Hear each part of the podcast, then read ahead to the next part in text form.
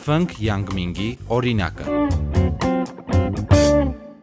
Բարև ձեզ։ Ես Ֆնկյան Մինն եմ։ Այս բանին սովորում եմ Երևանի Պետական Համալսարան Հայ Բանասեկան ֆակուլտետում։ Ես արդեն 2 տարի Հայաստանում եմ։ Իմ փոքր ժամանակի երազանքն է որ գալ Հայաստան սովորելու։ Քանի որ շատ փոքր ժամանակ մի անգամ մեր դպրոցում ասատուները տնային հանձնարարություն են տվել։ Ամեն մեկը պիտի ընտրել մի երկրի ու այդ երկրի մասին պիտի գրի։ Ես ընտրել եմ Հայաստան, քանի որ ես այդ ժամանակ արդեն տեսել եմ հայերենը, հայատարը ու հին Հայաստանի պատմությունը, այն Տիգրան 6-ի ժամանակ ծովիցով Հայաստան ու ինձ շատ հետաքրքրեց։ Ծովից ծով Հայաստանի մասին Ֆնգ Յանգ Մինգն է խոսում։ Նրան հանդիպել է Երևանյան այգիներից մեկում։ Մինչև ես կհասնեի սովորության համաձայն Ֆնգն արդեն ծանոթացել էր այգում նստած պապիկներից մեկի հետ։ Ասում է, սիրում է շփվել մարդկանց հետ, լսել նրանց պատմությունները։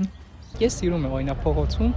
ծանոթանալ ուրիշ մարդկանց հետ, մանավանդ մեծերի հետ, քանի որ ավելի շատ փորձ ունեն ու ավելի հետաքրքիր է, այսինքն այսինքն այսքան տարի ապրել են ու շատ բան են տեսել, շատ բան են հանդիպել ու ուզում են լսել ոնց են պատմել իրենց կարծիքը, իրենց պատմությունը, իրենց փորձի մասին։ Այսինքն ծանոթությունը ինքը տես նախաձեռնում, հա։ Ահա, այո։ Եվ ինչպես են մարդիկ վերաբերում, երբ տեսնում են չինացին, կարողանում են խոսել հայերեն, բարժ դառնում են։ Սկզբում մի քիչ զարմացած դեմքով են նայում միշտ ինձ, բայց հետո եւ որ ասել եմ, որ ես ԵՊՀ-ում եմ սովորում ու բանասիրական ֆակուլտետում եմ սովորում, միանգամից շատ հարցեր կտան, օրինակ դու սիրում եք ստեյք, քեզ դուր է գալիս Հայաստան։ Հետո բացի սովորելուց ինչով ես զբաղվում Հայաստանում, օրինակ մարդիկ ուզում են իմանալ, էլի, որտեղ ամեն դեպքում օրինակ ենթադրեք ես երբ Չինաստանում լինե, օտայգրացի ով կարողանում է խոսել իմ լեզվով։ Մանավան մի քիչ մեր քաղաքի բարբարով։ Դες շատ զարմանալի բան է։ Մանավան այդ մի լեգենդական հաց կա։ Այստեղ շատ են հասնում։ Դուք ամուսնացել եք։ Ամուսնացել եք։ Ես էլ հարցնում եմ։ Չէ, չէ։ Ընկերուհի էլ չունեք։ Այդ թեմա ես կփակեմ։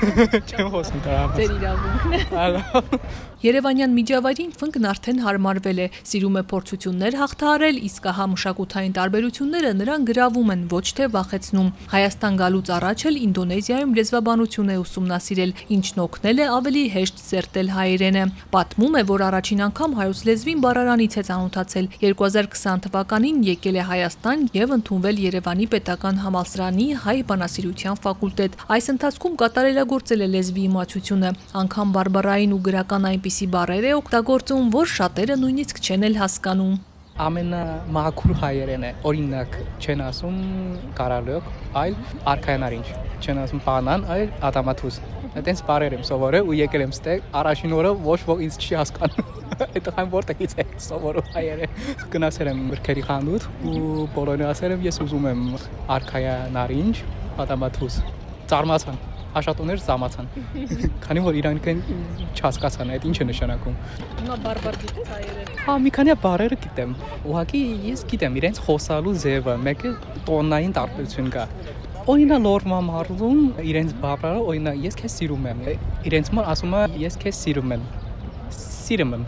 սիրում եմ սիրում եմ, այսինքն շատ հավես է, քանի որ 44 օրյա պատերազմի ժամանակ գնացել եմ կամավոր, արցախցիների հետ շատ եմ շփվել իրենց հետ, ու դրա համար իրենց բարբառները մի քիչ հասկանում եմ։ Ես գիտեմ, որ ձեր համար, ոչ միայն իմ համար, ձեր համար այդ բարբառ հավո դժվար է, բայց հա, հիմա արդեն քիչ-քիչ հասկանում եմ։ Ուղղակի sense տոների տարբերություն կա, մեկը իրենց բարապաշարը մի քիչ ուրիշ է։ Օրինակ երեխան ասում է խոխա, ոնց ես ասում հունց ես։ Այնտեղի ժնգյալով հարցը փորձը։ Հա, բայց ես չգիտեմ, այս իրականը թե չէ, քանի որ ես լսել եմ որ իրական ջինգալով հաց պետքա լինի, չգիտեմ 35 տեսակ, թե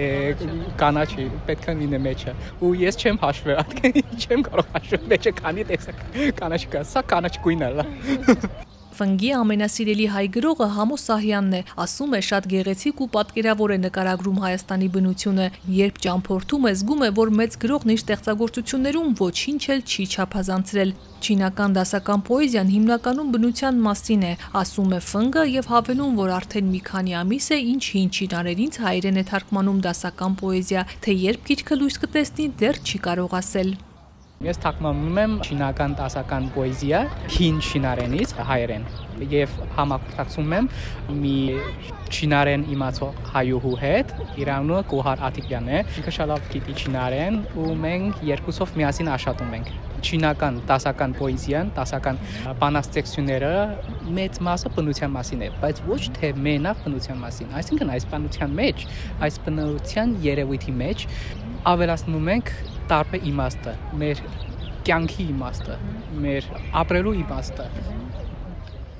Երևանում ֆնգը բացի սովորելուց նաև չինարեն ու ինդոնեզերեն է դասավանդում։ Թեև բոլորն ասում են չինարենը դժվար լեզու է, բայց նա ավելացնում է նաև շատ գեղեցիկ ու գրավիչ։ Յուրաքանչյուր բառ իր պատմությունն ունի ու եթե լեզվի գաղափարը հասկանում ես, այլևս չես կարողանում կտրվել։ Ֆնգը նկարահանվել է նաև մեր բակը 3 ֆիլմում։ Ասում է սկզբում հուզվում էր, քանի որ դերասանական փորձ չուներ, բայց գործընկերները շատ են օգնել հարմարվել նոր միջավայրին։ Դե սկզբից ես մի քիչ անհանգստանում էի ու լարվում էի։ Ինչի, քանի որ ես ընդհանրապես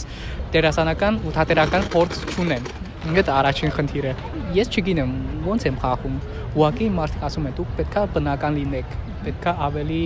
բաց լինեք, բայց այդ իրական խաղալու ձևը ես ընդհանրապես չգիտեի։ Բայց հետո մեր ռեժիսորը ասաց, որ լավ է ստացվում ամեն ինչ, ձեր մոտ շատ լավ է ստացվում ու իմ ինքնավստահությունը մի քիչ մի քիչ ավելացավ սենց քիչ-քիչ ավելացավ ու հենց տեղում սովորել եմ մեր հայ հին դերասաններին, մանավանդ Տիկին Լալանից ու Աշոր Խազարյանից ու Հրանտ Խոհատյանից։ Հին դերասանները իրան շատ պրոֆեսիոնալ են ու ինձ շատ օգնեցին։ Հայաստանում չինական ուտեստներ փորձել է, ասում է համային տարբերություն կա, այստեղ քաղցր են պատրաստում, իսկ չինական խոհանոցն իրականում շատ թթու ու կծու է։ Հայկական խոհանոցին ֆնգը շատ լավ ծանոթ է, նախընտրում է խորոված, հատկապես երբ այն տավարի սրտի է։ Սիրում է նաև ճամփորդել Հայաստանում ու ամենասիրելի մարզը Լորին է իմ ամենասիրելի վայրերը առաջին դեմը հաստատ Երևանն է, որովհետեւ այստեղ իմ ուզում եմ ասել ծննդավայր չէ։ Այստեղ ես սովորում եմ ու ապրում եմ Երևանում, բնականաբար սիրում եմ Երևանը, իսկ երկրորդ տեղում երևի Վանաձորը, Լորվա մարզը։ Ոչ թե միայն Վանաձոր քաղաք, այլ ամբողջ լորվա մարզը։ Սևանում իհարկե եղել են ես ցուկ սիրում եմ մանուած կան խորոված։ Վանաձորում օրինակ ես սիրում եմ բնությունը, ձեր բնությունը, իսկ Վանաձոր քաղաքը գտնվում է լեռներում։ Ու որտեղ որ եթե դու գտնվում ես Վանաձոր ցանկացած քաղաք ցանկացած անգյունում, դու բացում ես պատուհանը, կարողանաս վայելել այս սիրուն բնության տեսարան։ Իսկ երևի երրորդ տեղում կլինի Գյումրին Ահա Գյումրին քաղաքը շատ հին քաղաք է, մանավանդ որպես Հայաստանի մշակութային կենտրոն։ Նաև Գյումրի քաղաքի կենտրոնը մի քիչ ուրիշ ձև է